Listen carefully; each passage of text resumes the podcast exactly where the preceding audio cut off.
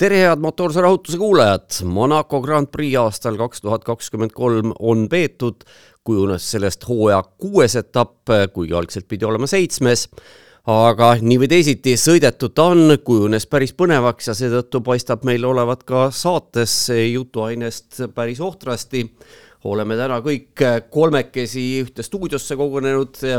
mina olen Toomas Vabamäe, täna saatejuht ja minuga koos Tarmo Klaar. tere! ja Martin Harak tere! Fredi Edvin Esse meile teadaolevatel andmetel seikleb kuskil California kõrbes, kus tsivilisatsiooni väga ei ole ja seetõttu sõna täna ei saa. aga eks siis peavad teised äh, välja aitama. Monaco Grand Prix on alati see küsimus, et kas tuleb põnev või, või tuleb protsessioon, et ma arvan, et meil äh, selles küsimuses täna vastuolusid ei ole arvad, meil siin peaaegu läks kakluseks ju, ütleme no, siis nii, et räägi, räägi, räägi, räägi. tuli põnev protsessioon mm.. no sellega ma võin nõus olla. no vot, juba, juba hakkab looma natukene. sellega ma võin nõus olla nojah, hea küll oli, tegelikult ju, kui me hakkame mõtlema sellele, et kas, kas vaatame suuremat pilti, kogu nädalavahetus oli põnev, sest kui me mõtleme kvalifikatsioonile tagasi, siis niisugust trillerit, no ma ei räägi Monacost, vaid seda üleüldse nii põnevat kvalifikatsiooni esineb üli-üliharva.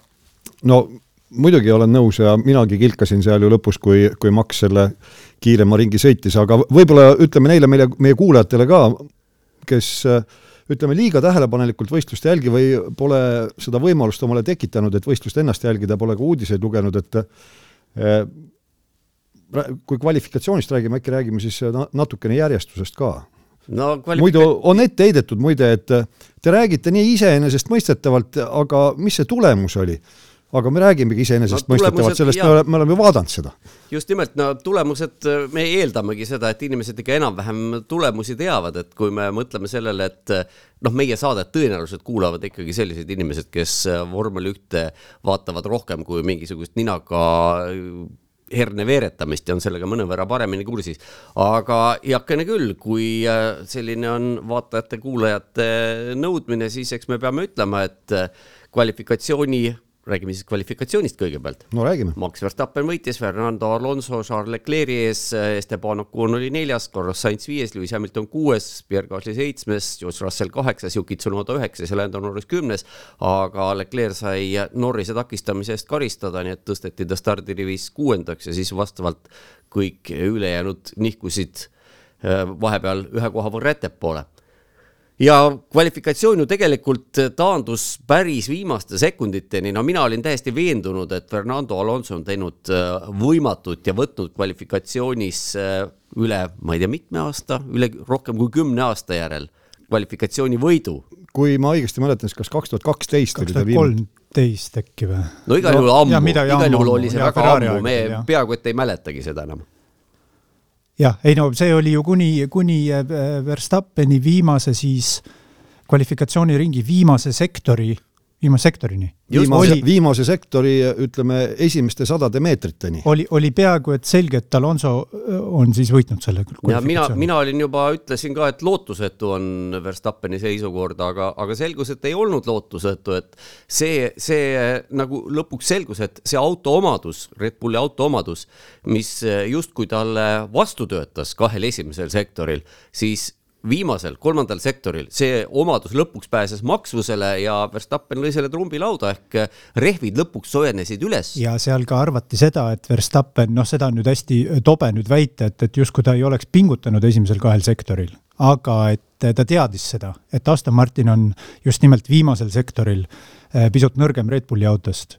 ja ta jättis selle nii-öelda suurema paugu siis sinna ja seda oli, ütleme, kui te eh, vaatate ka Äh, nende kahe auto nii-öelda võrdlust, äh, skemaatilist võrdlust lihtsalt, siis äh, noh, millise hooga ta alates Raskassist siis, ehk siis eelviimasest kurvist Alonsole järgi tuli nii-öelda virtuaalselt, et see oli, see oli metsik, kuidas see, kuidas ta selle vahe kinni sõitis? no see oligi see, et kuna meil Toomasega on kasutada ka see ametlik ajavõtt, siis me näeme mikrosektorid ja seal kohe ja käib ka selline äh, Äh, ettearvutamine, siis äh, prognoositav aeg ja, ja võrreldakse senise kiirema ringi ajaga ja seal läheb kohe nii-öelda see jooksev aeg läheb lillaks, kui ta on kõige parem. ja oligi niimoodi, et see jooksev aeg läks lillaks äh, viimase sektori noh, ütleme kas teisest mikrosektorist või, või midagi, midagi sellist. kogu ringi, kui arvestame, et ring laias laastus kestab, äh, ringi läbimine võtab minut ja kümme sekundit aega, siis ütleme, viimased viisteist sekundit vast oli Verstappen graafikus Alonsost ees, enne Just. seda ta oli taga kogu aeg. ja, ja, korralikult taga. ja see oli ka telepildis ju näha, kuidasmoodi ta sealt viimasest, sellest Antoni Noosi äh, kurvist välja tuli, et ta vist puutus seal ka pisut, äh, pisut seda, seda barjääri või? kusjuures mitte üksi seal, et kui sa ütled, et ta justkui esimesel kahel sektoril hoidis natuke tagasi, siis mina julgen vastu väita, et mitte midagi ta ei hoidnud mitte kuskil tagasi, ta terve ringi jooksul käis korduvalt kergelt äh, seinas ta hoidis võib-olla selles mõttes tagasi, et teades, et rehvid ei ole korralikult üles soojenenud Red Bulli auto eripärade tõttu, siis ta oli sunnitud lihtsalt tagasi hoidma, noh, see no, tagasihoidmine oli, tagasihoidmine oli kiiruse mõttes, mitte et ta ei oleks auto ressurssi täielikult ära kasutanud, selle ta kasutas ikka ära, lihtsalt see saadaolev ressurss seal kahel esimesel sektoril oli natukene väiksem. ja noh, see mõiste tagasihoidmine, eks ju, siinkohal on üldse selline veidikene, veidikene tobe. aga muuseas, Alonso oma kiiremal ringil hoidis tagasi äh, selles äh, uues šikaanis tunneli järel, seal võttis natukese maha just nimelt selle eesmärgiga, et rehvid viimaseks sektoriks päris üle ei kuumeneks. aga ma ei ole nüüd lugenud seda lõplikku verdikti, et kas sellega siis lõpuks võideti või sellega siis lõpuks kaotati jah, mul on see ka praegu teadmata, aga tõesti, lõpptulemus oli siis see, et null koma null kaheksakümne nelja sekundiga Max Verstappen võttis kvalifikatsioonivõidu ja, ja olgem ausad, ega seal eesotsas ju oli seis ülitihe, Leclerc, kes pärast taandati küll Lando Norrise takistamise eest kuuendale kohale, tema jäi maha null koma sada kuus sekundit ja Esteban Ocon Alpiiniga null koma sada kaheksakümmend kaheksa sekundit, nii et äh, selles mõttes ühe ringi peale ka alpiinid olid äh, vähemalt Oconi käes väga, väga kiired, nii et see oli, see oli tõeline selline põnevik tegelikult, see lõpufaas seal kvalifikatsioonis. jah, aga kui me nüüd mõtleme niimoodi äh, filosoofilises plaanis, kui, kui tohib seda mõistet sisse tuua, siis mis asi on kvalifikatsioon? kvalifikatsioon on ju valmistumine võidusõiduks, seal selgitatakse võidusõidu stardijärjestust, see ei ole võistlus ju, see on mingisugune noh, eelmäng või, või, või sissejuhatus või midagi sellist äh,. ilmselt küll kõigil teistel radadel, välja arvatud Monaco jah aga, aga olemuslikult, aga olemuslikult no,. ei, olemuslikult muidugi jah, kui, kui me jätame selle kõrvale, mis rajaga tegemist on, siis äh, vaidlust ei ole. ja et äh, noh, muidugi väga äge, et niisuguseid asju, asju tuleb, aga jällegi, kui me mõtleme sellele, et vormel üks ju tegelikult kui spordiala või kui show või noh, kogu see nähtus, ta ei ela ju tegelikult meiesugustest fännidest, ta elab ikka sellisest keskmisest tossukulutajast, kes mõnikord vaatab, mõnikord ei vaata, päris kõikidest asjadest aru ei saa, tõenäoliselt kvalifikatsiooni enamasti ei juhtugi vaatama. nii et sellisele inimesele see kvalifikatsioon üliäge, ülipõnev, noh, ta kuuleb ja näeb seda võib-olla kuskilt uudistena aga tõenäoliselt see tema jaoks jääb niisuguseks natukene hämaraks. ma arvan, et äh, ma olen vist ilmselt kõige õigem siin äh, äh, selgitama, mis siis, kui äge oli laupäevane kvalifikatsioon, et viimane kord, kui ma teie lahkel loal siin külalissaatejuht olin, siis ma kirusin seda kvalifikatsiooniformaati, mis mulle põrmugi ei meeldi. nüüd hakkas meeldima? nüüd hakkas meeldima, jah. kolm kvalifikatsioonisesiooni ja üks oli põnevam kui teine tegelikult, sest ringiajad paranesid pidevalt absoluutselt iga sekundiga, iga järgnev, kes tuli, äh, sõitis jälle põhjad. et, et millal me, millal me viimati sellist asja oleme näinud, ainult ütleme, mõnel tavalisemal rajal, kus on olnud näiteks kuivavad olud või noh, midagi taolist. ja noh, ütleme Monacos, mis tekitas kohe põnevust äh, silmas pidades äh, võistluspäeva, oli loomulikult Sergio Pereze viga, tema seinasõit kvalifikatsioonis. sellist asja, no mina küll ei osanud oodata, tema, kes ta on oma lõviosa võite võtnud äh, tänavaradadel ja üldse tundub olevat selline tänavaradade spetsialist, äkki selline apsakas, kusjuures esimeses äh, kvalifikatsioonivoorus sellise autoga, nagu tal istumise all, tal ei olnud vaja ju ülemäära pingutada. aga võib-olla just oli? just, ma, tahtsin just jõuda selleni, et kui me nüüd vaatame seda dünaamikat, mis oli reedesel ja, ja laupäevasel päeval äh, Red Bulli tiimi siseselt, siis reedel oli Perez ikkagi absoluutselt ei kuskil võrreldes Verstappeniga, noh, niisugune nagu eelmisel aastal, pool sekundit maas, no Monacos pool sekundit, see on midagi muud äh, pool sekundit kui, kui ma ei tea, Silverstone'is või Spa's. Monacos pool sekundit ongi igavik. laupäeva hommikul vabatreeningul põhimõtteliselt ta võttis selle vahe kinni, vahe muutus olematuks. aga mulle tundub, et kui Verstappen sõitis seal äh, vabatreeningul niisugune üheksakümne viie protsendi peal võib-olla pingutades, siis Perez sõitis pigem sada viis ja noh, ma ei kujuta ette, mis see protsent võis olla veel äh, kvalifikatsiooni alguses. tõsi küll, tal ei oleks seda tõesti vaja olnud, tal ju oli, mida tal oli vaja teha, tal oli vaja jõuda esimese viieteistkümne sekka, mitte midagi rohkemat no just nimelt seda ma silmas peangi tegelikult, et äh, loomulikult võrdluses äh, Verstappeniga ja arvestades seda, et tal on noh, teadaolevalt, mulle teadaolevalt on tal viimane hooaeg praegu lepinguline Red Bullis. Kuskilt jooksis kui läbi, et tal justkui oleks järgmiseks aastaks ka leping, aga las ta jääda. põhimõtteliselt hetkeseisuga raudselt talle tundub, et tal, enne Monacot siis tundus, et tal on veel võimalik maailmameistriks tulla tänavu. ja sellega ta kütab ennast ise üles, tekitab endale ise pingeid ja ma arvan, et see oli üks faktor, mis ta sinna seina saatis kvalifikatsioonis. üsna tõenäoliselt jah, et noh, me mainisime vist seda ülekande jooksul ka päris mitu korda, aga, aga äärmiselt tõenäoline on, et need pisikesedki tiitlišansid, mis Perezil olid, noh, vähemalt tema enda peas, noh, peas on tal need alles, aga kõigile kõrvaltvaatajatele, ma arvan, need on nüüdseks haihtunud ei no., ei, ei paista kuskilt, et ta sellisest, ma ei räägi punktiseisust, vaid ma räägin just sellest kogu selle nädalavahetuse sündmustikust, kuidas ta, no heakene küll, see üks aps kvalifikatsioonis, see selleks, aga võistlus oli ju veel hullem no aga võistluseni jõuame, ma arvan. võistluseni jõuame, aga noh, ega sellelt äh, rajalt ja, ja, ja sellelt vormel üks sõidust seal ütleme Monacos, ega sealt ei olegi midagi muud oodata, et kuna... no aga keegi ei käse sul sõita, sõita seina, keegi ei käse sul sõita kaasvõistlejatele otsa no on ju teada, et ega noh, ütleme nii, et šansid on väga kehvad, aga et sealt tagantpoolt kahekümnendat kohalt äh, startides ettepoole jõuda, aga sa pead olema kannatlik. Ja vot see kannatlikkus oli just äh, see omadus, millest äh, Perezil seekord täiesti väga-väga-väga puudu jäi. Oli, oli jah, aga peab muidugi nõus olema, jah. jah, aga ütleme, kes jätkuvalt mind noh, kuidas öelda, positiivselt üllatab ja sõidunägile jõuame, kahju, et sõit tal nii läks. Äh, Yuki Tsunoda, jumalast tubli poiss sel hooajal, kvalifikatsioonis üheksas ja üleüldse tundub, et äh, kuidagi on ta suudetud äh, ohjasse saada, ütleme siis niimoodi. ja teine asi, Oskar Piastri, võrd-, võrdluses Lando Norrisega, jällegi, tubli poiss, väga hea saavutus, tõsi, esikümnesse kvalifikatsioonis ei jõudnud, aga ega see vahe suur ei olnud ajaliselt. ja eriti, eriti oli Piastri just ju äh, ju vihmastes oludes tubli.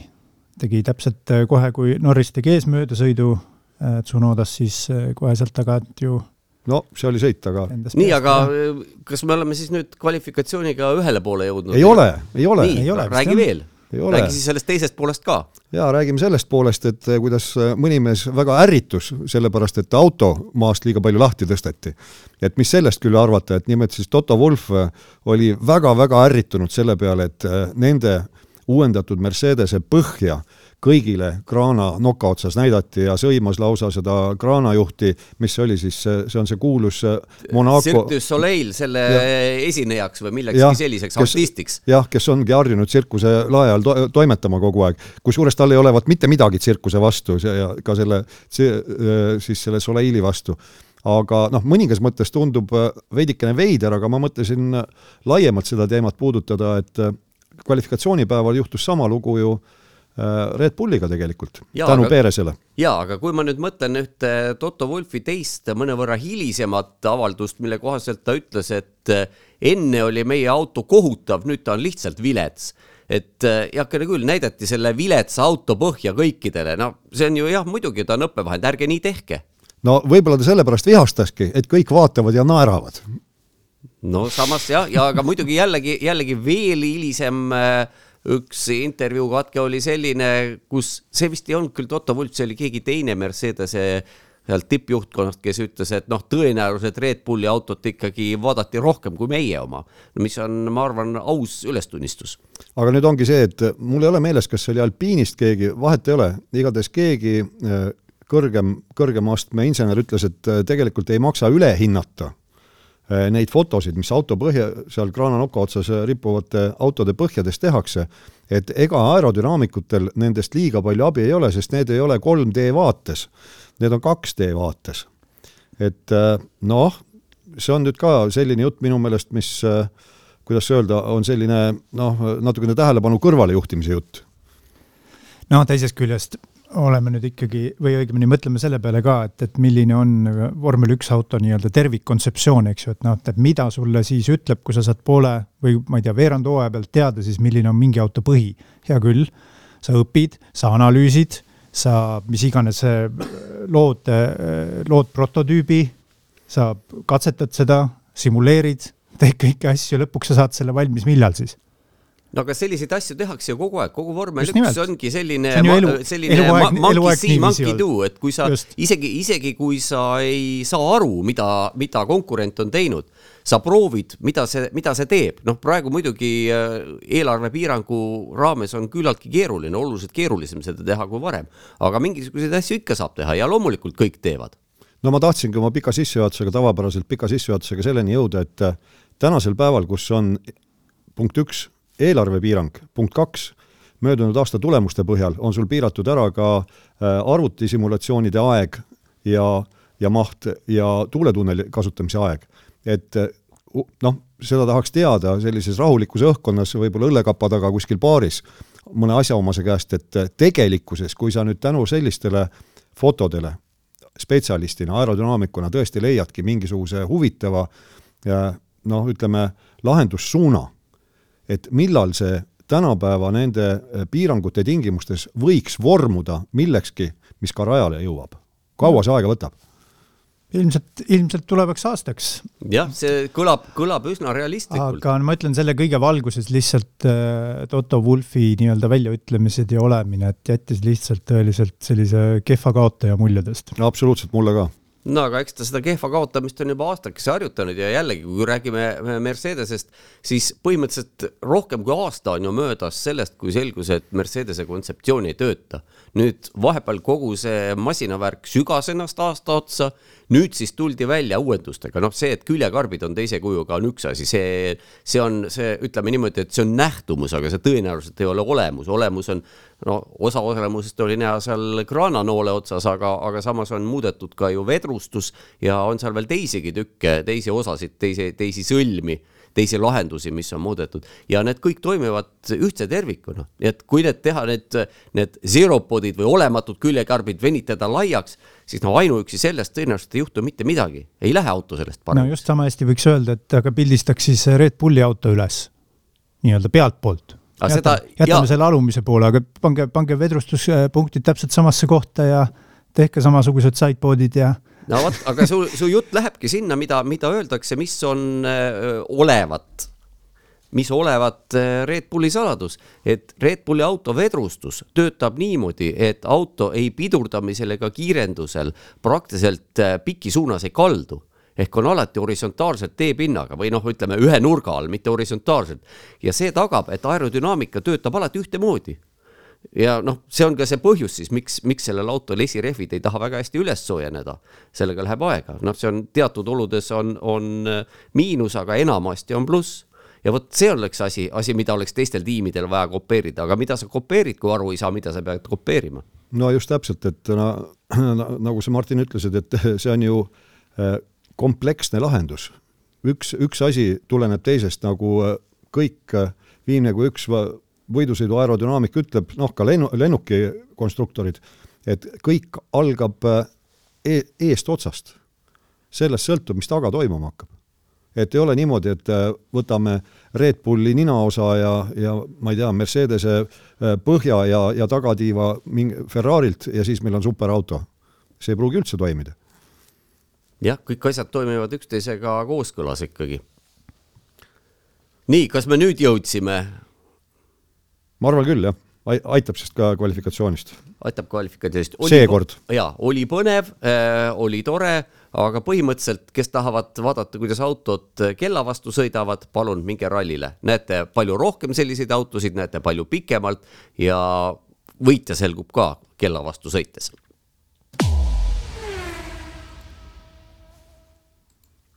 aga läheme siis äh, nüüd selle, kuidas sa, Tarmo, ütlesid, võistluslik protsessioon või? põnev protsessioon. põnev protsessioon, läheme selle juurde, mida nimetati Monaco Grand Prix, selle põneva protsessiooni juurde Äh, start ju tõepoolest oligi selline, et äh, esimesel ringil seal tagapool käis mingisugust äh, sebimist natukene Nico Hülkenbergi initsiatiivil eelkõige, kes püüdis enam-vähem poolest stardirivist korraga mööduda suhteliselt ebaõnnestunult. neljast autost püüab mulle Martin ette öelda. Noh, see oli jah, suhteliselt lootusetu üritus, aga põhimõtteliselt, kui need esimese ringi möödumised olid ära tehtud, siis kui ma nüüd õigesti mäletan, siis järgmise viieteistkümne ringi jooksul ei toimunud ainsatki kohamuutust. see on sul õigus, aga mul on spikker ees, ma siin äh, natukene tegin rohkem eeltööd, tunnistan pattu, kui mõni, mõni, mõni teine kord, lihtsalt aega oli mul puhkuse viimane päev, siis äh, tegeled igasuguste veidrate asjadega. üheteistkümnendal ringil oli see mälestusväärne hetk, kui Sainz noh, ma ei saa siis, mina ei saanud päris hästi aru, millest tema aru ei saanud, kui Sainz Oconile tagant sisse sõitis peaaegu et, no ikkagi riivas ära Oconi auto ja oma esitiiva küljeplaadi. Noh, purustas põhimõtteliselt. püüdis ja, Raikkonneni teha. Äh, jah, aastaid tagasi Raikkonenile oli ka mingisugune lühiühendus seal kõrvade vahel. ja ja sai sellest, tõsi, ainult hoiatuse, aga ma arvan, et see noh, viitas jällegi minu meelest Sainzi selle noh, ütleme siis ka niimoodi, et psüühilisele seisundile seal Ferrari võistkonnas, et ta püüab iga hinna eest nüüd tõestada, et tema on parem ratsutaja kui Leclerc. No talle anti ju šansid, Leclerc sai kvalifikatsiooni järel karistada, tõsteti stardirivist tema järele, Sainzil olid kõik äh, šansid, võimalused põhimõtteliselt tõsteti kandikul ette, ole mees, näita. Aga Ocon tegelikult, kui noh, vaatame, kuidas siis nüüd see sõidu algus hakkas arenema, eks ole, kõik stardijärjekorras, nii nagu nad seal läksid, räägime põhiliselt esikümnest praegu Verstappen pani eest minema, Alonso suutis nagu enam-vähem temaga tempot hoida, aga Alonso järel vahe hakkas tohutult kärisema, sellepärast et Ocon, kes hoidis kolmandat kohta, tema nüüd käitus äh, täpselt selle Monaco põhiretsepti järgi, millega hoida ära undercut'i, et tagantsõitjad ei saa, taganttulijad ei saaks varasema boksi peatusega mööda minna, sõitis nii aeglaselt, et kogu see rivi oli tema järel väikeste vahedega. just, et kui tema selja taga oleks Sainz, noh, tõlgin siis jälle kuulajatele, kes sellest aru ei saa, sest väljendist undercut, et kui, kui tema taga oleks nüüd äh, Sainz läinud äh, rataste vahetusse, siis ta oleks rivi lõppu kukkunud, nii et äh, Sain, Sainzi Monacos... võimalik kaval taktika oli sellega rikutud jah, Ocon oli võrreldes Verstappeniga sekund ringi peale aeglasem, esimese kuskil äh, mõnekümne ringi vältel. ja vaatame võib-olla päris ette ka, et, et kui sa, Toomas, ütlesid, et, et Verstappen pani ees plagama, siis tegelikult ega ta väga ei pannudki, sest tal ei, tal ei olnud täpselt samamoodi põhjust, sest tema oli rajal eh, keskmise seguga rehvidega, aga Alonso oli kõvadega. No, ja see vahe oli mõne sekundi piires, ehk siis täpselt piisav et äh, Alonso ei saaks, eks ju, DRS-i kasutada ja, ja ta hoidis seda täpselt, ta oleks võinud vabalt ilmselt eest ära sõita, aga miks sa sõidad Monacost teistel pikalt eest ära, mis see mõte on? no ta ikkagi, kui me vaatame seda ajalist vahet, siis ta ju venis suhteliselt kiiresti, see vahe venis üle kümne sekundi, ma arvan, kuskil viieteistkümnenda ringi kandis oli juba kümme sekundit vahe. midagi taolist oli küll, jah. noh, ta Et... niimoodi, ütleme samm-sammult, mitte hirmsooga nüüd eest ära ja, ei läinud, aga mõõdu, mõõduka tempoga läks eest ära. tempoga jah, et, et ei olnud, kui, kui oleks võinud alguses arvata, et Verstappen hakkab samamoodi sõitma nagu, nagu Ocon tegelikult lõpuks tegi, et ta lihtsalt hoiabki kogu seda rongi enda selja taga, aga jah, tal ei olnud vajadust selleks. Verstappenil sai üsna kiiresti selgeks, mis on Alonso plaan Alonso plaan on venitada nii kaua, kuni on, vaata tol hetkel hakkasid juba jutud vihmast, võimalikust vihmast ja et ta, et, et Alonso sõidab nüüd selle kõvema seguga nii pikalt kui võimalik ja, ja nüüd, mida Verstappen siis tegema hakkas, oligi see, et ta sõitis, ütleme nii, piisavalt kiiresti, aga mitte nüüd kogu Red Bulli väge näidates. ta jõudis esimestele mahajääjatele kolmekümnendal ringil järgi, ehk siis veidi vähem kui poole võistlusmaa järel ja seejärel kaotas äh, Alonso talle seitse sekundit, vaid. jah, see, kui, kui nad läksid mõlemad nendest mahajääjatest hakkasid mööduma, et see oli jah, niisugune, niisugune noh, mõnes mõttes veider, aga, aga Verstappenil oli ju vaja kahte äh,, samal ajal üheaegselt oli vaja kahte vastandlikku ülesannet. esiteks oli vaja Alonsoga ikkagi vahet hoida, aga teiseks ehk suhteliselt kiiresti sõita ja lisaks sõita kiiresti selleks, et rehvid maha ei jahtuks. aga teiseks oli vaja rehve hoida samal ajal, sest oli näha, noh, Alonsol olid ju kõvemad rehvid, need kestavad kauem ja, ja oli vaja ka neid rehve ühtlasi hoida, aga kuidas sa hoiad? no hoiad niimoodi, et sõidad aeglasemalt, aga kui sõidad aeglasemalt, rehvid jahtuvad, rehvid jahtuvad, hakkavad kooruma, kooruma hakkavad, siis kaotad jälle kiirust, et oli selline, selline noh, peaaegu lahendamatu ülesanne, mille Verstappen lahendas hiilgavalt. ma ei oska muud öelda ei, ei, ega ei oskagi muud öelda ja muidugi seal üks kindlasti, mis oli tundmatu faktor kõigile võistkondadele ja küll seda muidugi püüti endale selgeks teha vabatreeningute ajal, see oli see äh, vahelduv asfaltkate. sellepärast, et äh, uut asfalti oli seal lõiguti pandud.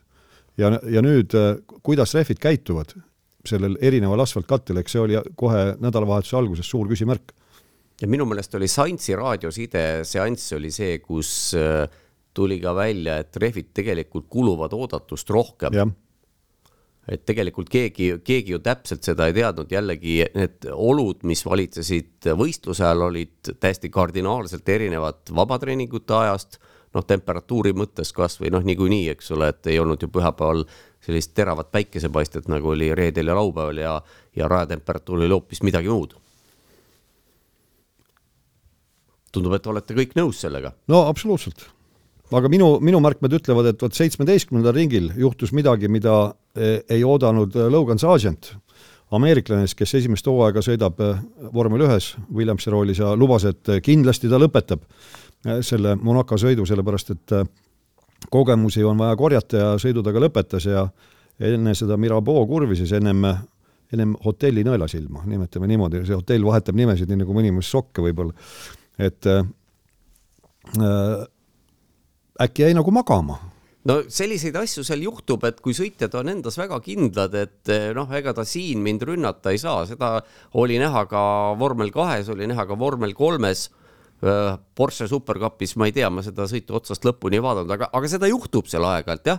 ja oli ju näha seda, kui, kui vaadata seda korduses, vaadata seda olukorda, siis eh, noh, Magnussen vaatas ka, et ahah, et näed, jättiski ilusti lahti, no läks ideaaltrajektoorile ja loomulikult no ei ole vaja kaks korda kutsuda sellises olukorras. eriti Magnussen. just nimelt. ja ilmselt see Magnusseni manööver lõi ikkagi noh, ütleme rütmist välja, see on õige öelda, mitte verest välja, vaid rütmist välja Saasenti, sellepärast et sama ringi lõpus läksid tema, läks tal omal trajektoor pikaks seal eelviimases kurvis ja siis vupsasid tast mööda nii Stroll kui ka Perez jah, võib-olla tõe huvides ütleme ka ära, et, et tegelikult ega sellel etapil ei olnud ju ka ta tiimikaaslane Albon ei olnud selle Williamsi rehvi kulutamisega rahul, et. no Williamsil oli see ikka täielik katastroof, see ja. etapp, et kui me, kui me mõtleme, et Williams on ainult, ainult kolm korda selle võidusõidu võitnud kogu ajaloo jooksul, McLaren võrdluseks näiteks viisteist, noh, ma ei tea, milles praegune muidugi ei saa seda niimoodi otse, otse üle kanda praegusesse aega, aga, aga kuidagi väga-väga valesti oli Williamsil sel nädalavahetusel kõik. oli küll, aga, aga ütleme, need äh, Sargentist möödasõidud äh, viisid mu mõtte kohe Peeresele jälle, et äh, ütleme, selle kvalifikatsiooni tulemusena mina mõtlesin ja ootasin ja lootsin, et äh, Red Bulli võistkond koos äh, Peeresega mõtlevad nüüd välja mingisuguse äh, väga agressiivse sõidutaktika, sellepärast et äh, tal ei olnud ju kaotada mitte midagi, sa alustad kahekümnenda koha pealt.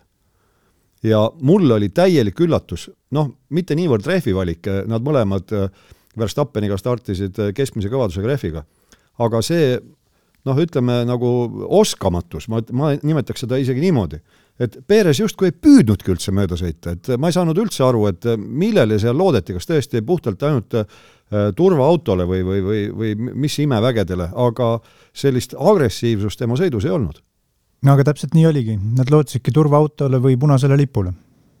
no sellel jah, ütleme või, nii, et või... ega seal, ega seal ju ka mitte midagi muud ei olnud rohkem loota, et no natuke, oma oskustele. no natukene oleks võinud ikkagi ise ka teha, no ega Peresel algus tegelikult ei ole hea, esiteks kohe esimese ringi järel tehti boksi peatus, vahetati kõvad rehvid alla, mis oli etteaimatav, see oli väga mõistlik taktika, sest põhimõtteliselt, kui oleks ilm püsinud kuiv, siis Peres oleks võinud nende rehvidega lõpuni sõita, noh, sõltuvalt olukorrast, aga, aga kui vaja oleks olnud, oleks võinud nendega kõik need järgmised alles jäänud seitsekümmend seitse ringi ära sõita. siis ta võttis selle tekkinud vahe kiiresti kinni. kusjuures ta sõitis neli sekundit ringi peale kiiremini, tõsi, seal oli rong ju, eks ole, De Vriesi taga. Stroll oli tema ees ja ta sõitis kahe ringi peale siis seitse sekundit, sõitis ja. tagasi. et see oli siis nii-öelda tempo erinevus. jah, aga jõudis Strollile järele ja olidki ideed otsas ja, ja noh, vähe sellest, et ideede otsas olid, ega, ega seal ongi raske midagi teha, siis sa pead lihtsalt sellises olukorras peadki sundima ennast, et noh, nüüd ma siin vaatangi seda rohelist tagatiiba ja, ja sõidangi niimoodi kasvõi kuradi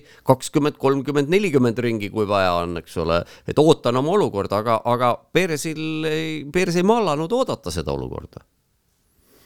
Nii et jah, lühikokkuvõte on see, et Perez minu jaoks tervel sel nädalavahetusel oli üks suur-suur pettumus jah, ega see raske on, raske on mitte nõustuda, sest noh, mida ta hästi tegi? mitte midagi. no viimasel vabatreeningul siiski võiks öelda, sõitis kiiresti.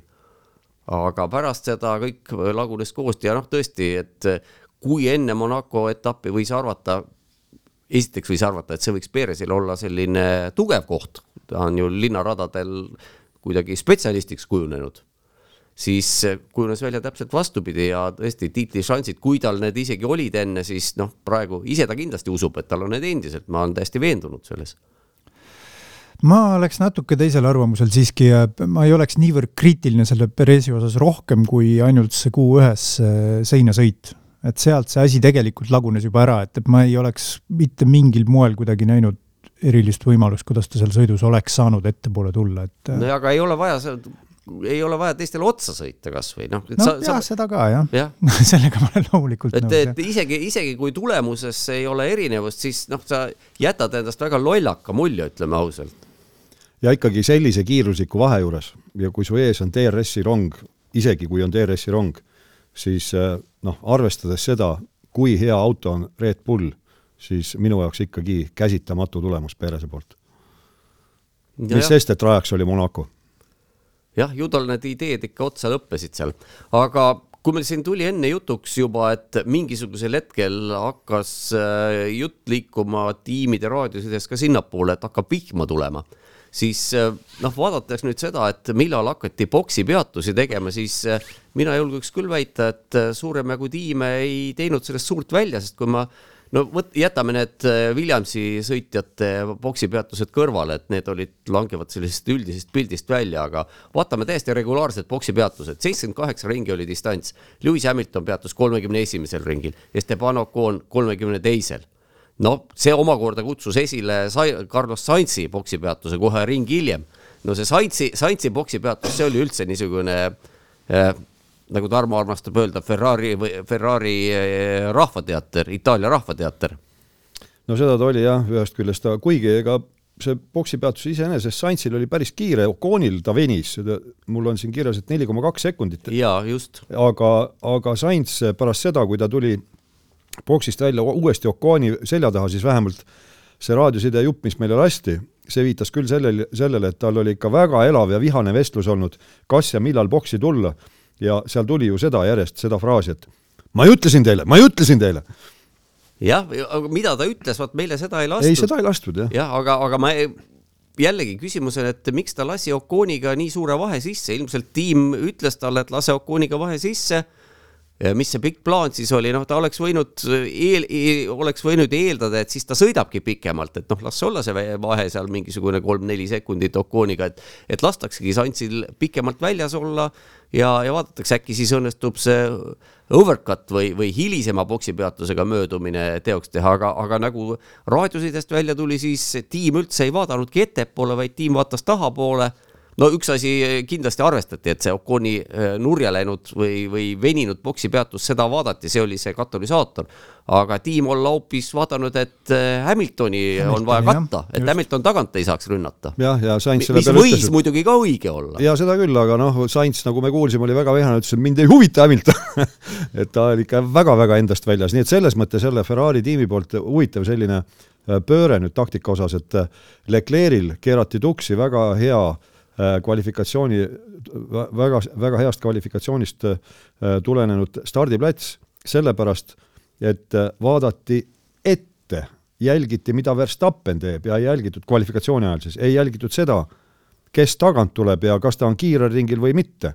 ja, ja nüüd siis noh, nii-öelda jälgiti jällegi valemeest no aga kui ma nüüd mõtlen veel sellele ka, mismoodi Frederic Vasseur äh, pärast võistlust äh, reageeris, siis ma küsiksin, et mis on siis erinevus nüüd Mattia Pinotto eelmise aasta nende reaktsioonidega? no esialgu ei ole. alati õigustab, kõik tegime õigesti. no meeskonnamängija. absoluutselt, meeskonnamängija, kuigi kohad läksid kaotsi. kas see, Vasseur vist ütles ka veel, et ega me ju kohti tegelikult ei kaotanud tulla taevas appi. seda veel nii-öelda Vasseur veel kergelt presenteeris, et nagu, et aga mis seal suurt vahet on, et kolmas, neljas, viies koht, et noh, et, et äh, polegi nagu suurt miskit. no nad olid ju, olid ju sisuliselt oli neljas ja kuues koht olid äh, nende sõidu alguses, eks ole, oli Sainz hoidis neljandat ja Leclerc kuuendat. noh, Leclerc jäigi kuuendaks, aga Sainz pudenes kaheksandaks, no on ju vahe no Sainz tegi ise, ise ka veel poogneid pärast hiljem. ja, ja eks see, see oli üks kurja juur, loomulikult. aga see oli omakorda tegelikult tingitud sellest, et mis pagana pärast neil oli vaja seda esimest boksipeatust teha valel ajal. võta, võta, kus on, kus on põhjus, kus on tagajärg, mina ütlen, et põhjus on seal, et tehti esimesed boksipeatused liiga vara noh, ja siin ma tulen ringiga tagasi jälle Perese juurde, et vaatan jälle oma spikrit, kordan seda juba, ma ei tea, mitmendat korda. Peres muide siis, kui see boksipeatuste kaskaad oli seal kolmekümnendatel ringidel lõhkus ju oma esitiiva ära. ja sellepärast läks tal ju boksi peatus üheteistsekundiliseks.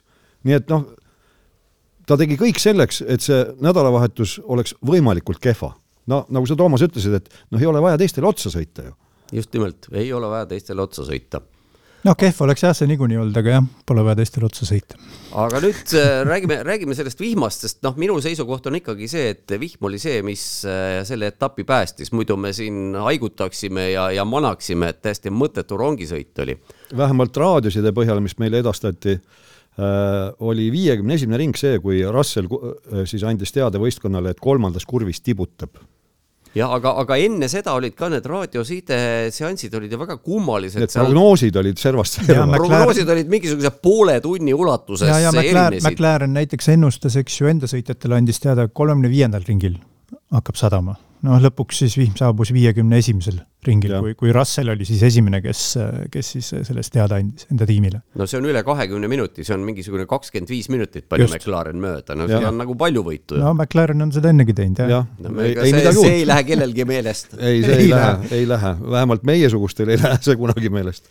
aga, aga see nüüd, mida lähemale sellele eeldatavale vihmale jõuti, seda keerulisemaks tegelikult muutus Verstappeni olukord, sest näha oli, et Alonso see noh, algselt äh, veider tundunud äh, rehvi taktika, see hakkas ennast, noh, ei saa öelda veel, et õigustama, aga surve Verstappenil järjest suurenes, sest Verstappeni rehvid lihtsalt hakkasid otsa lõppema. no niimoodi oli jah, ja, ja teine asi veel, mis seal oli, mis äh, noh, oli selline paras loterii tegelikult, et kui ma silmanurgast vaatasin lihtsalt meie kuulajatele teadmiseks, et tavaliselt Toomasel on ühel monitoril äh, kui on sellised muutuvad, võimalikult muutuvad ilmastikuolud, on ilmakaart lahti, see radaripilt, siis nii palju, kui mina seal veerand silmaga nägin, siis minu meelest need pilved liikusid, kui seljaga oled me, siis äh, mere poole, äh, Vahemere poole, siis nad liikusid nagu kuidagi sedasi kaarekujuliselt äh, vasakult paremale. no nad liikusid põhimõtteliselt läänest itta ja, ja see pilv, kust lõpuks hakkas vihma tulema, see tekkiski kuskil koha peal, see ei tulnud kuskilt, kuskilt Just. eemalt kohale, see järsku vopti oli seal raja kohal ja, ja siis tuli vesi sealt laksti alla. ja, ja, ja, ja siis ta oligi just seal Mirabeau's, see on siis ennem seda hotelli naelasilma, ütleme niimoodi, et rada oli märg äh,, Mira, Mirabeau's äh,, kus äh, siis Hamilton sõitis seina sel nädalavahetusel, oli see vabatreening või mis, ja,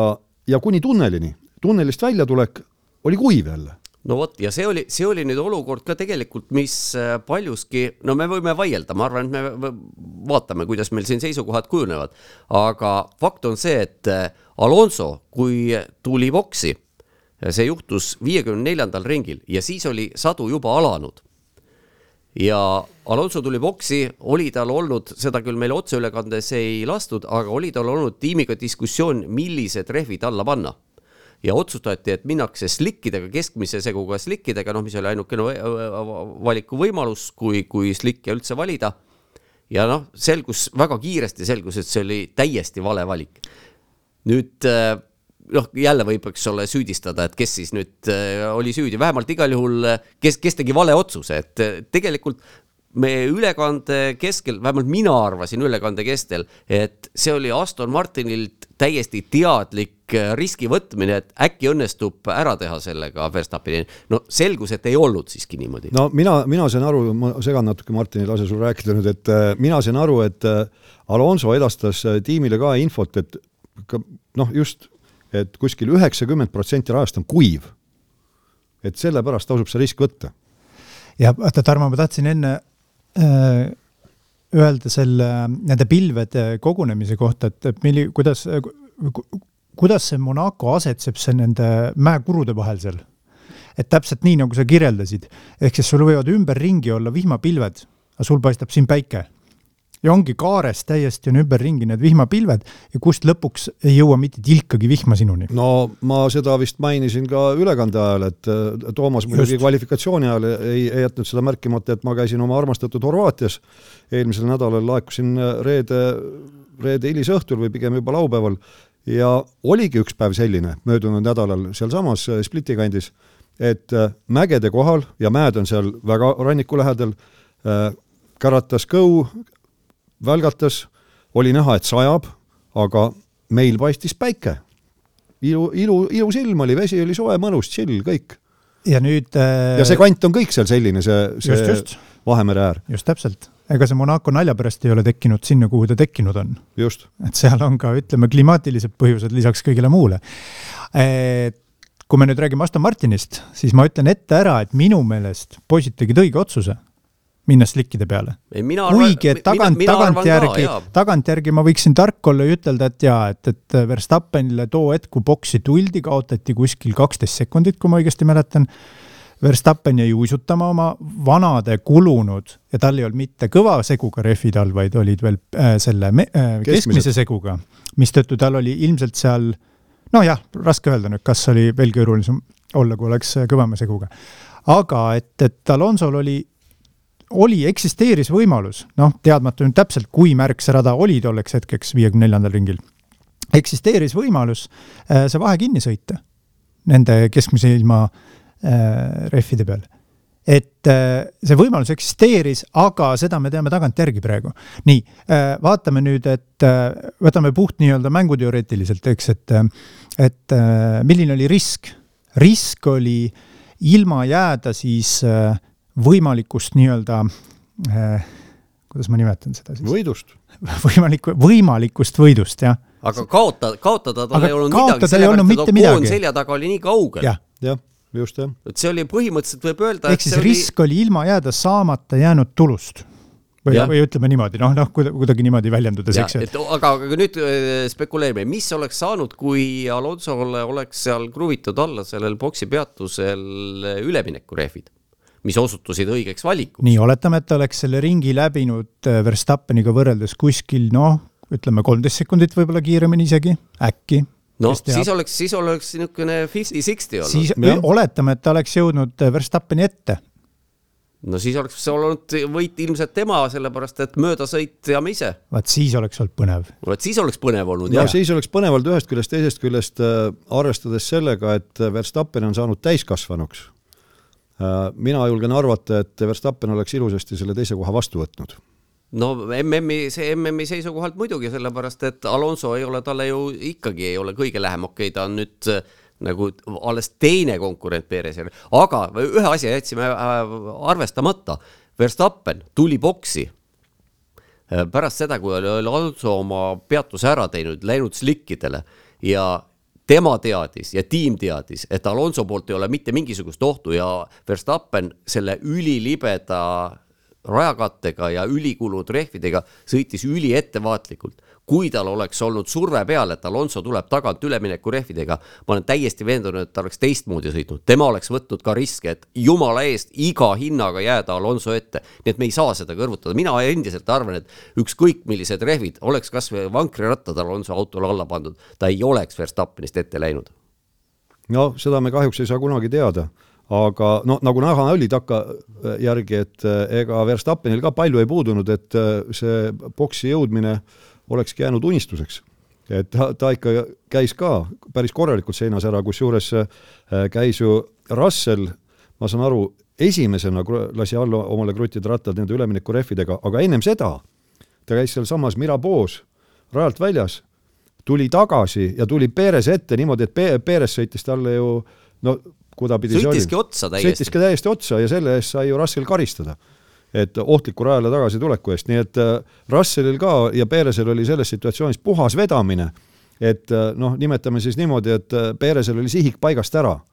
Ja, ja Russellil ajastus noh, mõnes mõttes väga õige, teisest küljest väga vale, aga oleks võinud juhtuda nii, et mõlemad oleks jäänud teeperve ja, ja samal ajal ju Stroll oli see, kes ukkerdas seal ka Mirabeau väljasõidualal, eks ju, ja noh, veel Russelli juurde tagasi tulles, Russell ütles, et pagan võtku, et ma ju viskasin täiesti kindla kolmanda koha sellega minema. Jah, tõenäoliselt küll. võimalik. kas ma mäletan õigesti, et äh, Stroll oli ainukene, kes selle vihma tõttu nii-öelda lõplikult siis kannatas ja, ja katkestama ja, oli, oli sunnitud? mis on, mis on muidugi täiesti hämmastav, et kui me mõtleme, et seitsekümmend kaheksa ringi kordagi ei tulnud turvaautot rajale virtuaalset turvaautot ei kasutatud kordagi ja ainult üks katkestaja, heakene küll, Magnussen ka tuli enne lõppu ära, aga tema sai ju tulemuse kirja. ja, ja Stroll oli ainukene kobakäpp, kes ei suutnud nende tingimustega hakkama saada. jah, ja see on Monacos just, et selles mõttes võib öelda küll, et praeguste vormel üks sõitjate kvalifikatsioon või tase on ikka, ikka nii kõrge, nagu see kunagi ei ole olnud. ei no jaa, aga mis me ütleme, Monaco, hea küll, see äh, tekitab imestust, aga äh, Miami etapp, pingutasin mälu seal ei olnud Kõik kordagi kolla, kollaseid lippegi polnud. no vot. kollaseid lippegi polnud ja see on ka ju peaaegu tänavarada. noh, rohkem selline pool tänavarada, aga ikkagi, nii et selles no, mõttes tõesti, selles mõttes tõesti, kui, kui nüüd mõelda nende etappide peale ja startide peale, ma arvan, ma mitme eh, etapi stardis kommentaarides olen nagu papagoi korrutanud, et meestele vist on sõnad peale loetud. et jällegi, eh, esimesel ringil ei ole mingisuguseid kähmlusi kuule, aga hästi lihtne. vaata, kuidas äh, vanasti, ütleme no selline kakskümmend aastat tagasi ei olnud mootoritele mitte mingisuguseid piiranguid. lendasid vabatreeningutel, lendasid kvalifikatsioonides ja no, mootorite arvule sa mõtled? just. nii. pandi piirangud peale, palju siis lendama hakkas, palju tänasel päeval mootoreid laiali lendab? Väga harva. väga harva. täpselt samamoodi. autode lõhkumisele on täna ka, ütleme, piirangud otsesemad ja kaudsemad. no ja. see on see eelarvelagi, mis äh, muuhulgas siis äh, kummitab kogu aeg. noh, mida Noorsuumacher eelmine aasta tegi, mäletame hästi, noh, ilmselt oli see ka põhjus, miks ta sealt minema löödi Aasi tiimist no,. päris kindlasti jah, keegi no,, keegi ei, keegi ei jaksa niisugust masina ei no selle, selle ütles küll Steiner otse välja. jah, puhtalt, et me, me ei jaksa seda äh, nalja kinni maksta, pluss on see, et sul on piirangud, tegutsemispiirangud jah, et kui, et kui sa pead selle puru, puruks sõidetud auto taastama, siis selle võrra vähem raha on sul auto arendamiseks. noh, Strolli, Strolli sõit sai ka ju paljuski tegelikult äh, kvalifikatsioonis siis äh, saadud vigastada, vigastuse tõttu siis ütleme, kompromiteeritud, jah. et, et põhi, auto põhi sai vigastada ja, ja, ja selle, see, kui, kui tiim oleks seda nüüd vahetama seal hakanud, siis oleks oodanud ees karistus otsustati minna äh, nõnda sõitma, nagu, nagu, nagu, nagu see oli. ja noh, ega see ka, ega see ka nüüd hea otsus ei olnud jällegi tagantjärele no, tark olles. jah, tagantjärgi jällegi vahet ei ole, et kui, kui, kui, kui esimene tiimiauto sõidab ikkagi äh, nii-öelda pole position'i eest, äh, võitleb seal ja, ja noh, sa oled neljateistkümnendal kohal või siis võimalikul üheksateistkümnendal kohal, noh, mis seal suurt vahet on, et, et ma tahtsingi veidikene rääkida nendest teistest sõitjatest ehk siis Perezist ja Strollist antud juhul just. no need, need, see on suur teema tegelikult, see, kui me nüüd hakkame sellest rääkima, siis sellest võiks valguda laiali ja minna ja, ja, aga, väga aga, kaugu, aga suurtesse see, kaugustesse. aga see lihtne, lihtne selline jutu või mõttealge on see, et, et kus need mehed jällegi olid. et kui palju lihtsam on seal ees sul asju korraldada enda tiimi hüvanguks, kui sul on kasutada kaks sõitjat. just nimelt undercut'id, overcut'id igasugused muud rajal kergelt takistamised, kergelt ettejäämised, nii edasi, need mehed olid täiesti pildilt kadunud. ehk siis Alonso ja Verstappen pidid äh, omapäi asju oma. mis võib-olla, et, võib-olla et ongi hea, sest äh, kas see oli, see ei olnud eelmine aasta, see oli üle-eelmine aasta, kui meil olid need duublid olid täpselt samamoodi pildilt kadunud või, või, või Botas vist oli. Botas oli see, kes Hamiltonil natukene kannupoisiks oli. ja Verstappen pidi temaga äh, üksi siis mõlema Mercedesega hakkama saama. ja see oli paganama keeruline nojah, aga jällegi võib öelda, et äh, meil publikuna oli seda huvitavam vaadata jälle. jaa, kahtlemata. no praegu muidugi, kui me vaatame punktitabelit, siis noh, Perez ikkagi punktitabelis on ju seal, kus ta peab olema, ehk on teisel kohal ja heakene küll, et Alonso ees edu on praegu ainult kaksteist punkti, aga ta, aga ta ikkagi on teine ja isegi kui ta peaks langema Alonso taha punkti arvestus, siis põhimõtteliselt võib öelda, et esimest aastat Perez ikkagi laias laastus teeb oma töö ära, et heakene küll, see Monaco nüüd on selline. ma arvan jah, jätame selle Monaco võib-olla siia paika. see üksik, üksik juhtum, et äh, keegi ei arva tõsiselt ometi, et Perez nüüd hakkabki olema kuskil seal. tead, tihtipeale on ka, tihtipeale on ka niiviisi, et, et sellises äh, augus olles et äh, sealt õpitakse kole palju ja tullakse just nimelt järgmisel etapil ja, ja lajatatakse äh, tulemus, et, et seda on ajaloos nagu palju juhtunud ka. no vaatame, ma siiski, ma siiski arvan, et Perez on endiselt hea sõitja, kuigi jah, mitte, mitte Verstappeni tase, aga arvestades auto ülekaalu ja arvestades seda, et mis rajad nüüd on ees ootamas, siis noh, peaks olema suhteliselt lihtne hakata Red Bullil võtma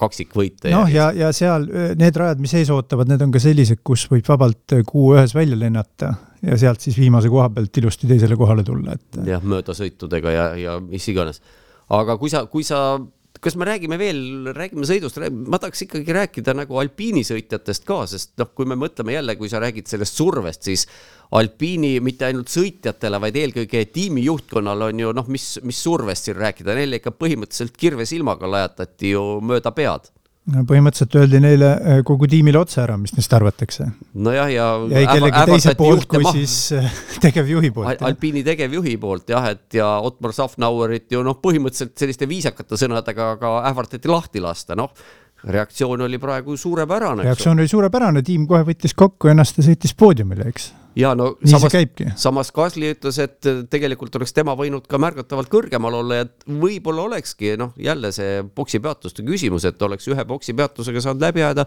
võib-olla oleks alpiin olnud kolmas-neljas, aga no see on niisugune oleks on paha poiss.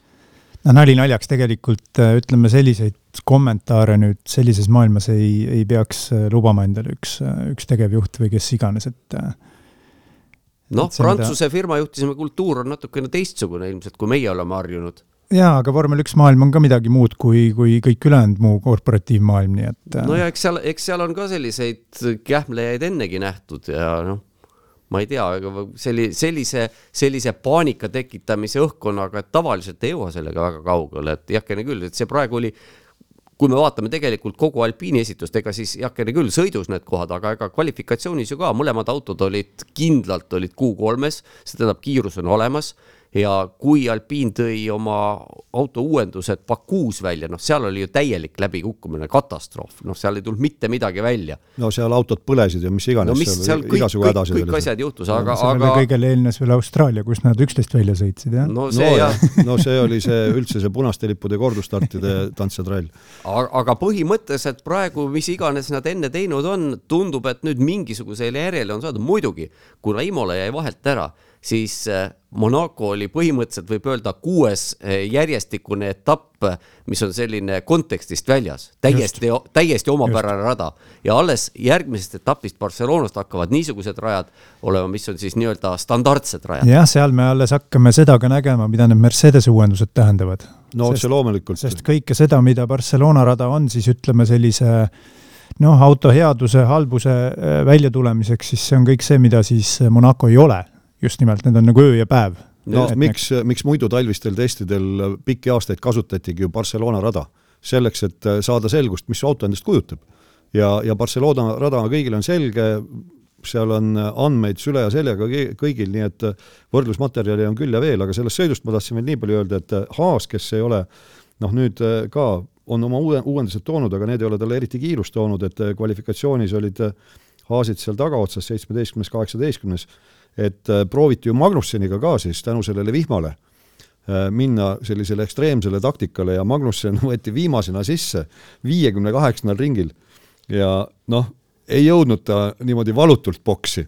et eelviimases kurvis ikka noh, seina pär-, ikka puutus ära jah, pidi tagurdama seal, aga eks neil oli see lootus, et äh, äkki teised peavad ka veel tulema boksi ja kui tema siis on täis vihmarehvidel, siis on jackpot, aga ei läinud õnneks nojah, see on äh, déjà vu, võib öelda muidugi Haasi tiimile, sest Bakuus ju püüti noh, küll teistes oludes, aga, aga põhimõtteliselt sama Hülkenbergiga teha, ei tulnud välja. just, jah.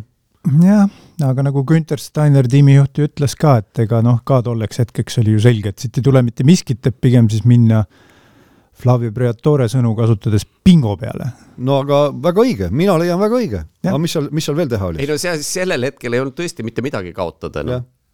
aga Tsunodast oli mul siiralt kahju ja kui ma nüüd õigesti aru saan, siis äh, äh paranda mind, kui ma eksin, Toomas, et äh, vormel üks auto pidurisüsteem on siis selline, et äh, et esipidurid on nii-öelda klassikalised, hüdraulilised. Ja tagapidurid on nüüd need äh, selle kombineeritud, kombineeritud, kombineeritud süsteem, jah. tagapidurid on hüdraulilised pidurid on ka, aga see ei ole sada protsenti, need on suhteliselt nõrgukesed seal.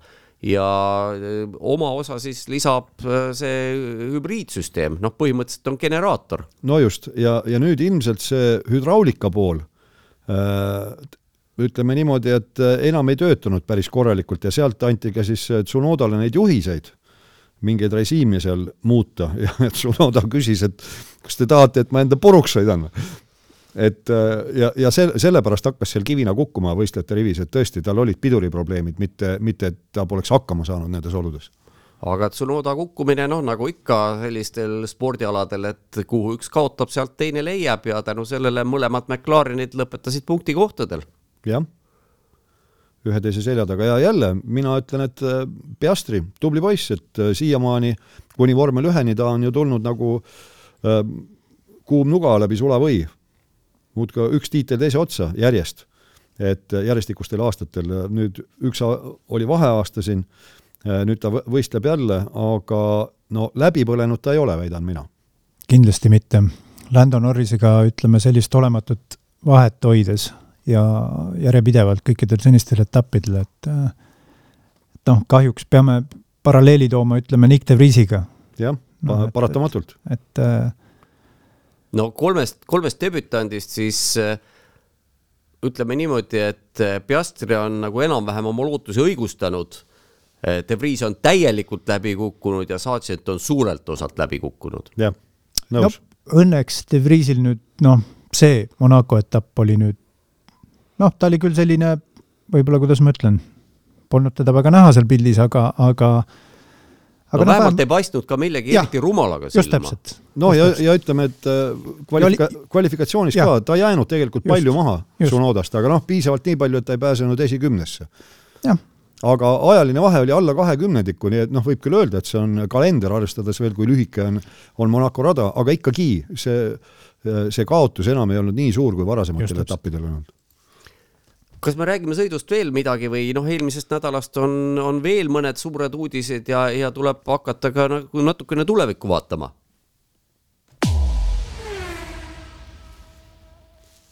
eelmise nädala kaks suurt uudist, paneme siis selle kõige suurema uudise ette, et kahe tuhande kahekümne kuuendast aastast Honda saab Aston Martini mootoritarnijaks ehk kui me seda teistmoodi formuleerime, siis Aston Martin jõuab lõpuks tehase tiimide kilda ma jäin siin sõrmede peale arvutama, et kui vana Alonso tolleks hetkeks on?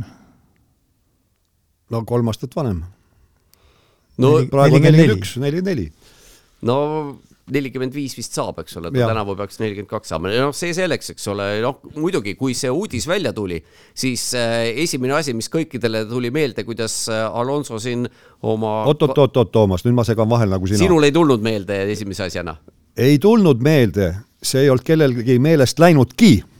ahah, okei okay., kõik ütleme siis niimoodi, et kõik kohe esitasid selle küsimuse, formuleerime teistmoodi, kõik esitasid küsimuse, aga mida Honda Alonsost arvab? no Hondas, ma saan aru, et on toimunud ka suur juhi, juhtkonna vahetus, see on siis kontserni tasemel. ja sellest tingituna nad ka naasevad vormel ühte. jaa, sest vahepeal nad ju otsustasid jälle lahkuda, nagu Honda seda tihtipeale teeb siis otsustasid jälle naasta, siis vahepeal oli selline olukord, et keegi nagu ei tahtnud nendega leibu ühte kappi panna, sest Red Bull oli oma mootoriosakonna asutanud. aga nüüd siis Aston Martin jah, korjas Honda üles või, või Honda korjas Aston Martini üles, kui ta pidi võtta, igal juhul praegu tundub küll, et see on vägagi äh, võimekas kombinatsioon no vaadake, mina olen selline võidusõiduhuviline, sügava võidusõidupuudega. Äh, teie rohkem autohuvilised ka, aga mida see nüüd peaks tähendama näiteks äh, laiemas plaanis? Äh, saan ma õigesti aru, et Aston Martin oma sportautodel, tänavasõiduautodel kasutab äh, Mercedese mootoreid? Äh, päris nii ei ole, tal on Mercedesega küll mingitel teatud mudelitel, kui ma õigesti mäletan, ja Mercedesel on osalus Aston Martinis et see on nüüd, see on kindlasti, vaat ma ei oska öelda, kuidas, kuidas ja mis, noh, sport on hoopis teine asi. seda küll, aga ikkagi, et tahab ju papastroll tegelikult, Aston Martin kuulub ju talle just, või noh, õigemini konsortsiumile, kus no, tema on üks osanik, jah ja. et äh, kas seal taga võib mingisugune pikem plaan olla? no aga kui me võtame nüüd, vaatame veel laiemat plaani, eks ole, et äh, noh, Lawrence Stroll on ärimees, miljardär. teab, teab, kuidas raha teha, teab, kuidas raha lugeda. Ehm, mina küsiksin seda, et kaua ta oma poega seal veel peab niimoodi? mul sama küsimus. mis see, mis see point on?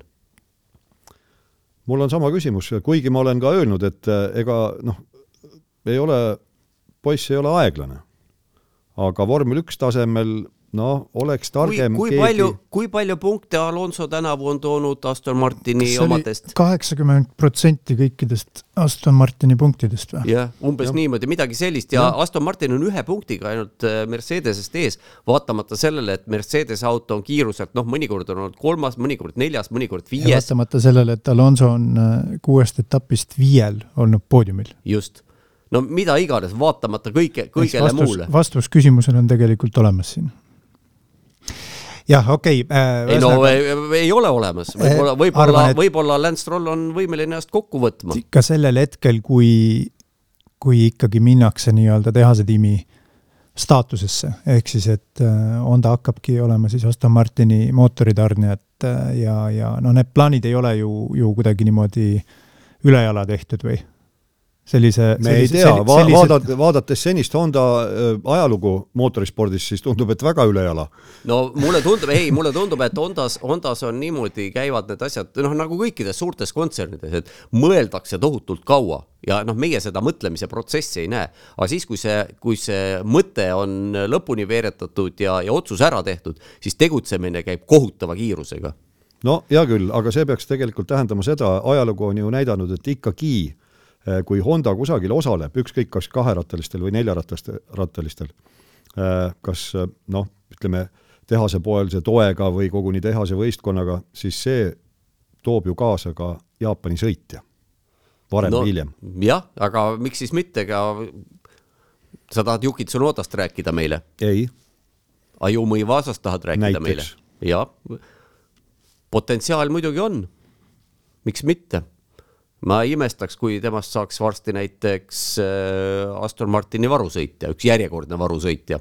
ja äh, noorest äh, Strollist saaks näiteks kestvussõitudes Aston Martiniga no, no mis, no mis iganes, et ega või, või Aston Martini spordidirektor. ühesõnaga, milleni ma niimoodi vihjamisi tahtsingi jõuda, on see, et, et Stroll on kiire sõitja, on teinud imelisi poodiumisõite Stroll, ärme unustame, et äh, võitis ka ühe kvalifikatsiooni just, just nimelt Türgis, eks ju, keerulistes oludes, no et sa ei saa päris naljasõitja olla, eks ei, ma mõtlesingi, ta ei ole aeglane sõitja. ta ei ole nii-öelda, ta ei ole Alonso level, eks. ei, kaugel sellest. noh, mõtleme mingite aastate peale, kus McLarenis sõitsid Hamilton ja Alonso. Raikkonen ja Massa sõitsid Ferraris, eks ju, et noh, tipptase. ei eksitud nii-öelda nagu, ei olnud ruumi eksimiseks neid aastaid mäletame, eks, et noh, et, et siin selliseid sõite teha, nagu ütleme noh, et siin nagu Perez näiteks on, on ikkagi mingitel etappidel nagu liimist lahti, eks. noh, et ta on viies-kuues, noh, seda, seda ei saa nagu lubada, sellised tiimid endale. no just, jah. ei, saab näha, just täpselt nagu sa, Toomas, ütled, et ega siis äh, Lawrence Stroll on ärimees. tema loeb raha ja, ja seal ka oma peresiseselt äh, rahalistes asjades tihtipeale käitutakse päris jõhkralt. ärge aga, ka, ärge, oot-oot-oot, ärge ka seda unustage, et on ka selline stsenaarium olemas, et Honda tuleb täpselt samamoodi, nagu ta tuli kahe tuhande kolmandal aastal liitus Barriga, tähendab, Barri, Barri tiimi ta tol hetkel vist juba kahe, kaks tuhat neli oli siis Honda juba Barri üle võtnud, eks ju. ei, ta oli ikkagi Barri Honda kuidagi nime. järg, järk-järgult see käis jah ja,, mis aastatel täpselt oli, polegi nii oluline. et äh, kokkuvõttes ju Barr astus välja kogu oma asutajate pundiga sealt. et miks ei võiks teha Lawrence Stroll exit'it, pojal saab ka ükskord sellest sõitmisest kõrini tegelikult. Noh, igasuguseid võimalusi on jah, et see on täna ta ehitab äh, Silverstone'i külje alla, eks ju, seda äh, tohutut tööstuslinnakut sinna või vormel üks linnakut siis Aston Martini siis äh, vormel üks tehast ja kas ka autotehas on sealsamas, jah? ei, ei minu teada ei ole. ei ole vist, jah. vaata, erinevus on siin selles, et Barr oli ikkagi põhimõtteliselt tubakafirma mõningas mõttes. ja aga Barril oli ka ette teada, et exit tuleb teha, kuna Euroopa äh,, Euroopa Liit keelustas ju tubakareklaami ja, ja, ja see ma..., see exit oli teada. no ma, ma ütlengi, et siin on, olukord on erinev.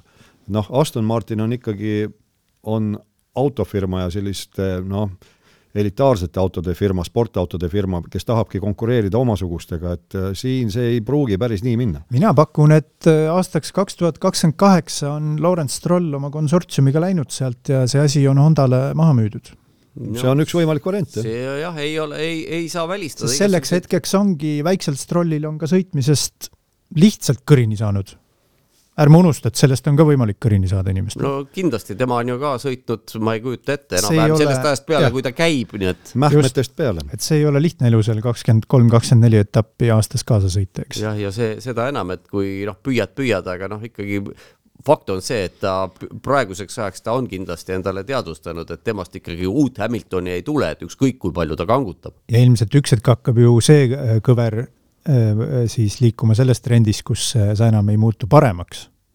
jah, no praegu ma julgeks öelda, et tal ikka siin veel reserve on ja ta nii lootusetu juhtum ei ole. ei, lootusetu ta kindlasti täna, ei ole. tänavu ikkagi oleme näinud siin mõningatel etappidel on, on Alonsole täiesti sellises, sellises läheduses olnud, kus ta peab olema. just aga vaatame nüüd veel, teine võib-olla mitte nii palju tähelepanu pälvinud uudis eh, eelmisest nädalast oli see, et Red Bulli kontsern otsustas, et Alfa Tauri tiimi ei müüda maha. sest need kuulujutud olid siin ka juba päris tükk aega liikunud ja noh, see on, kuidas nüüd jälle, et kellele hea, kellele halb uudis. ma tean ühte meest Ameerikas, kellele see kindlasti ei ole hea uudis. keegi Andretti nimeline? ma kahtlustan küll, jah. Andrettide perekond, jah. no kes seda teab, kas see on talle hea või halb või neutraalne uudis, sellepärast et äh, lõppude lõpuks tegelikult nagu nüüd ükskord on siis ka välja öeldud, et äh, vormel üks võistkonnad võivad siin ju põtkida sinna ja teisele poole, aga kui äh, FIA otsustab, et kaks võistkonda võetakse veel rivvi, siis need võetakse. võistkondadel ei ole siin mitte midagi rääkida, nemad võivad rahvakeeli öeldes lihtsalt plõksida, nemad otsustusprotsessi juures ei ole jah, ja mina jälle küsiksin, et miks FIA ei peaks tahtma, sest kui selline vahetpidamatu paisumine käib, noh, etappide arvu osas eelkõige sprindisõite tuleb juurde, mõeldakse veel, noh, ma ei tea, mida kõike siin välja, eks ole, siis miks ei peaks võtma veel kahte tiimi, kui eriti, kui on võet, kuskilt olemas sellised tõsiseltvõetavad tiimid, mitte nagu eelmine kord. no just, ja ma olen ka seda korduvalt rääkinud, et Andretti võistkond on ju vägagi tõsiseltvõetav võistkond. Andreti tegutseb, ma ei tea, palju neid sarju on, milles ta tegutseb, aga neid on palju ja, ja noh, vaadata veel seda, et milliste autofirmadega Andretti koos töötab, noh, põhimõtteliselt võib öelda, et ei ole sellist firmat, millega Andretti ei töötaks koos. no just et.... ja see, et General Motors nüüd hõigati välja seoses vormel ühega, noh, mis siis, Andretil on kõik, mis autodega sõidetakse, sõidab Andreti või õigemini, mis mootoritega sõidab Andreti Indicaris Honda., Hondadega. Austraalias jooksutavad Forde Austraalia turismiautode sarjas. Austraalia siis tippautoringraja sarjas jälle. just nimelt, kui me vaatame niimoodi kõik need, kõik need Andreti tegevusalad, siis tõesti põhimõtteliselt on kõik suuremad firmad on seal esindatud ja noh, räägime puhtast kommertsväärtusest, kui selline nimi vormel ühega liitub. no mida see tähendab Ameerika turule, Ameerika Just. turg on ju ääretult oluline, omanikud vormel ühel on ju ameeriklased. ja miks siis muidu on sellel hooajal kolm etappi Ameerikas, kolm, millal seda ennem on nähtud? jah, on nähtud kaheksakümnendatel aastatel. jah, aga kes seda enam mäletab Just peale meiesuguste peerude. ja siis, ja siis oli muidugi see tase hoopis midagi, midagi muud, et sellist, sellist suurejoonist sõideti kuskil äh, Phoenixis, Detroitis, Tallases mingisugustel. Las Vegases ka no, Las Vegases ka, aga mingi Caesars Palace'i hotelli parklas, mitte, mitte, mitte stripi peal nagu, nagu tänavuse rada maha pannakse, et see ja. tase, tase on ikka hoopis midagi muud. Et kui noh, varasemast ajast võrrelda, siis võib ainult öelda, et Long Beach oli selline, selline tase, mida tegelikult praegu ka vormel üks tahaks. aga tagasi tulles selle otsuse juurde, et äh, Red Bulli juhtkond siis, äh, ma saan aru, kontserni kui sellise juhtkond on otsustanud, et Alfa Taurit maha ei müüda, no ütleme, minu kui sellise sügava võidusõidupuudega kodaniku jaoks see on äh, positiivne uudis selles mõttes, et järelikult ikkagi nad näevad väärtust sellel asjal, et osaleda ühest küljest ja teisest küljest ja siis need inimesed, kes seal uued on nüüd seal juhtkonnas pärast Dietrich Mateschitsi lahkumist siit ilmast, neil ikka mingisugune võidusõidu huvi on ka olemas, seal see miski peab ka olema seoses võidusõiduga et jah. jooksutada kahte võistkonda. jah, see on, see on positiivne märk jah, kunagi ei või teada vaata, mis sellise ettevõttega siis juhtub, eks ju, kui, kui, kui säärane ainu, ainuomanik ja suurjuht lahkub, eks. no just. et mida iganes pärijad, järeltulijad seal mõelda võivad, eks, et aga see oligi ju suur küsimärk Just. ja, ja kõik olid hirmul, et mis juhtuma hakkab. aga ma saan aru nüüd, kui, kui me räägime nendest võistkondadest, siis äh, on nagu ette heidetud just nimelt äh, Alfa Taurile seda, et miks seal ei ole niisugust integreerimist ematiimiga, Red Bulliga, nagu on näiteks Ferrari ja Haasi vahel. Ja, ja ilmselt ma saan aru, et see, see üks argument, miks jätkata, ongi see, et hakatakse rohkem Red Bullilt äh, üle võtma tehnilisi lahendusi, nii palju kui reeglid seda lubavad. noh, see on, see on mõistlik, esiteks Red Bull on kõige parem auto ju, no kust sa siis veel peaksid üle võtma? Ja teiseks puhtrahaliselt. Muidugi, kulude kokkuhoid ju. sa ei pea ise midagi arendama, sul ei pea teatud noh, teatud valdkonna insener omal palgal olema no ja kui me mõtleme sellele, et tegelikult ju kehtivad eelarvepiirangud, siis on võimalik hakata Red Bullil ju osaliselt, seal on niisugune sünergia tekib, Red Bullil on ju võimalik hakata, kuna, kuna see teine tiim on ka nende enda oma, on võimalik hakata osasid töid nii-öelda outsource ima et äh, Alfa Tauri teeb nende eest need tööd ja see järelikult see osa läheb ju eelarve alt välja. igasuguseid võimalusi ma näen seal. No ilmselgelt nad selle peale on mõelnud jah. ja pärast seda, kui nad oma karistuse said äh, eelmise aasta äh, kulude valedel ridadel näitamise eest, siis eks nad on hulka targemaks ka saanud ja analüüsinud seda Äh, mille eest nad karistada said ja, ja nüüd nad teavad, kuidas siis edaspidi talitada. ja et kellele anda tasuta lõunat, kellele mitte. just. nii, aga üks, mis uudis, see ei ole mingisugune uudis, see on ikka, mina, mina väidan, et see on niisugune lihtsalt selline noh, kui midagi muud ei ole, siis äh, millestki tuleb rääkida, et mida te sellest arvate, et Ferrari püüab äh, Lewis Hamiltoni omale sõitjaks palgata? no mina siin punases praegu olen ka Ferrari türbis. sa oled juba palgatud? mina olen juba palgatud, nii et Hamiltonile kohta ei ole. no minu jaoks on täielik nonsenss. milleks? see on jah hea küsimus, et, et miks seda nii-öelda, miks neil seda vaja peaks minema? Ei, aga, aga väga lihtne, Mercedesel oleks Leclerc'i küll vaja.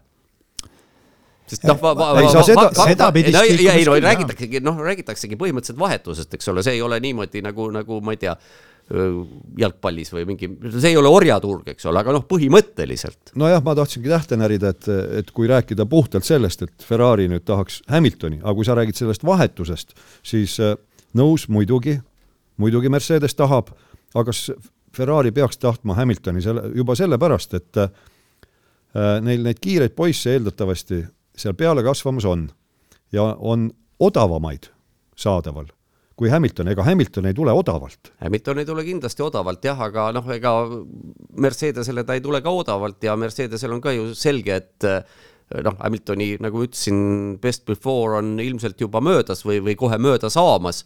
Ta veel on heal tasemel, aga ega ta paremaks enam ei lähe. ja see on üks asi ja teine asi on see, et temal ei ole seda nälga enam.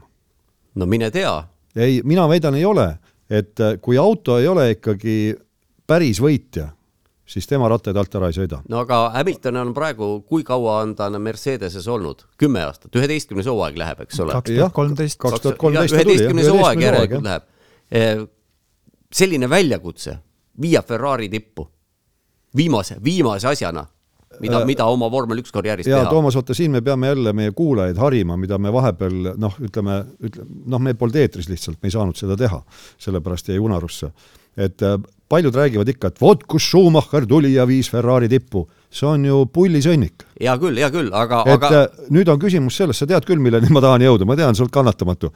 selleks on vaja meeskonda, kes on kokku töötanud Hamiltoniga seal ju, kui Schumacher nii-öelda viis tippu, ega see võttis ka viis aastat lõpuks aega, suurusjärk, Jean Todt ju palkas tiim Schumacheri Benettonist, riburada pidi nad seal tulid väikeste vaheaegadega ja lõpuks na, olidki samad vennad, kes eh, konstrueerisid auto, kes olid võistlusinsenerid, ti-, eh, tiimipealik Ross Brown või tehnikadirektor Ross Brown, nemad ju riputasid United Colors of Benetton joped ühte varna ja teisest varnast võtsid punased joped. Seda, sedasi käis see asi kas nüüd pelgalt sõitja vahetus äh, toob edu? see on suur küsimärk ja, ja kas äh, Hamiltonile see on piisav väljakutse, võib-olla, sellepärast et väga paljud äh, vormel üks piloodid, kes on pensionile läinud, ütlevad, et püha müristus, Ferrari, see on ju kõigi unistus. Nii et see võib täiesti olla, et Hamilton isegi oleks võib-olla mingisuguse pisema palgaga nõus, et punane türp selga tõmmata. Tarmo, ma tuletan sulle meelde, kuidas üheksakümne kuuendal aastal asi käis, et kõigepealt palgati Schumacher, valitsev kahekordne maailmameister.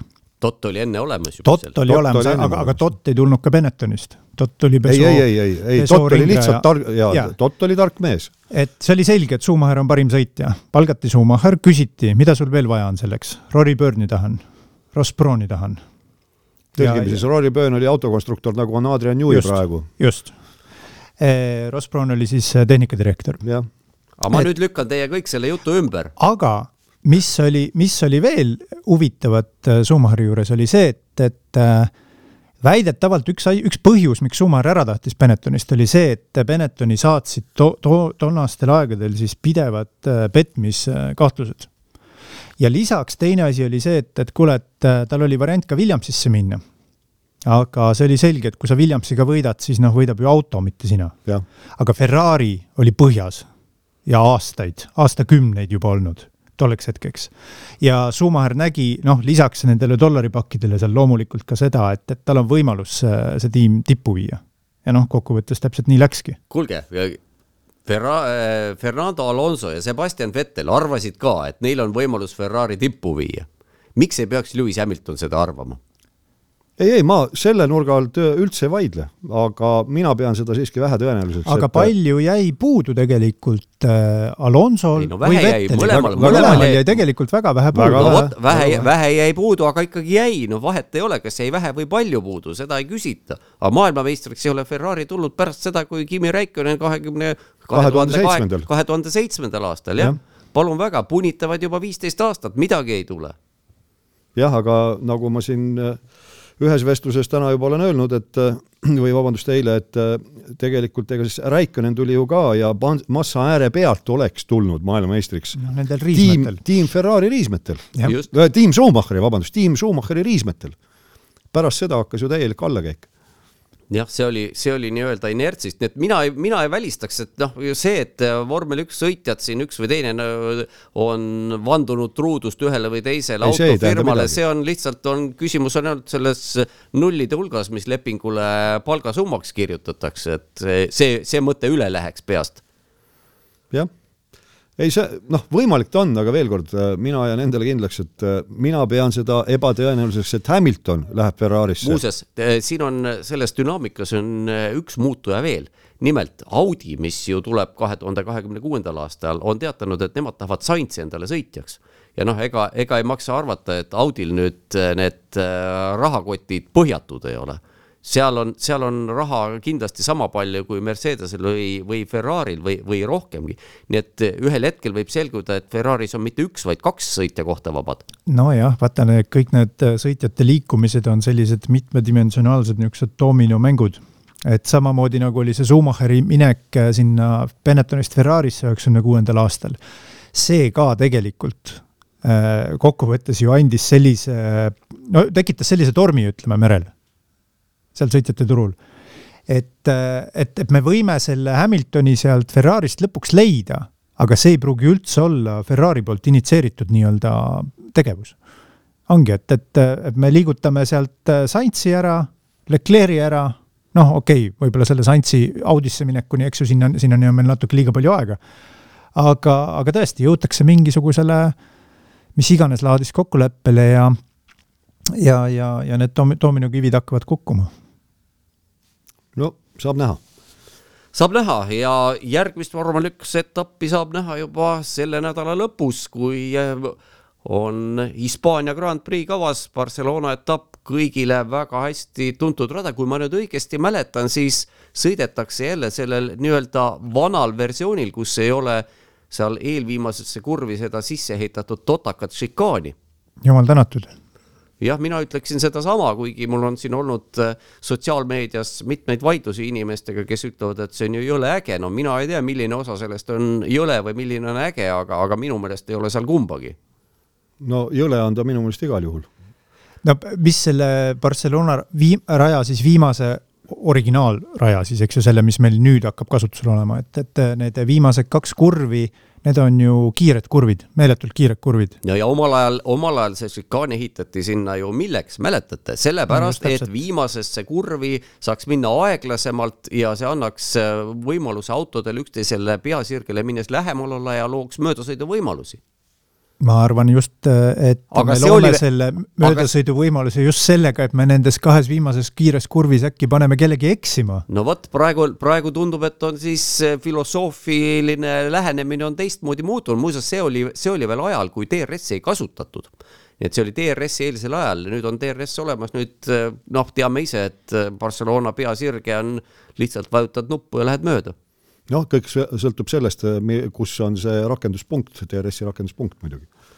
igal juhul saame näha eh, Hispaania Grand Prix hooaja seitsmes etapp, eh, alates reedest siis vabatreeningud ja noh, raske on muidugi ennustada midagi muud, kui et mõni Red Bull võiks seal võita. Max Verstappen ju oma esimese Grand Prix võitis seal ka esimesel korral, kui ta üldse Red Bulli autoroolis istus Grand Prix'l.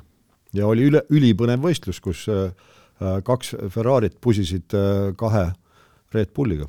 nii et loodame, et ka see võistlus nädala lõpul tuleb ülipõnev ja meil on ka nädala pärast saates äh, jutuainest ohtrasti. veel kord aitäh kõigile kuulamast ja kohtume jälle nädala pärast. kõike head. Kuulmiseni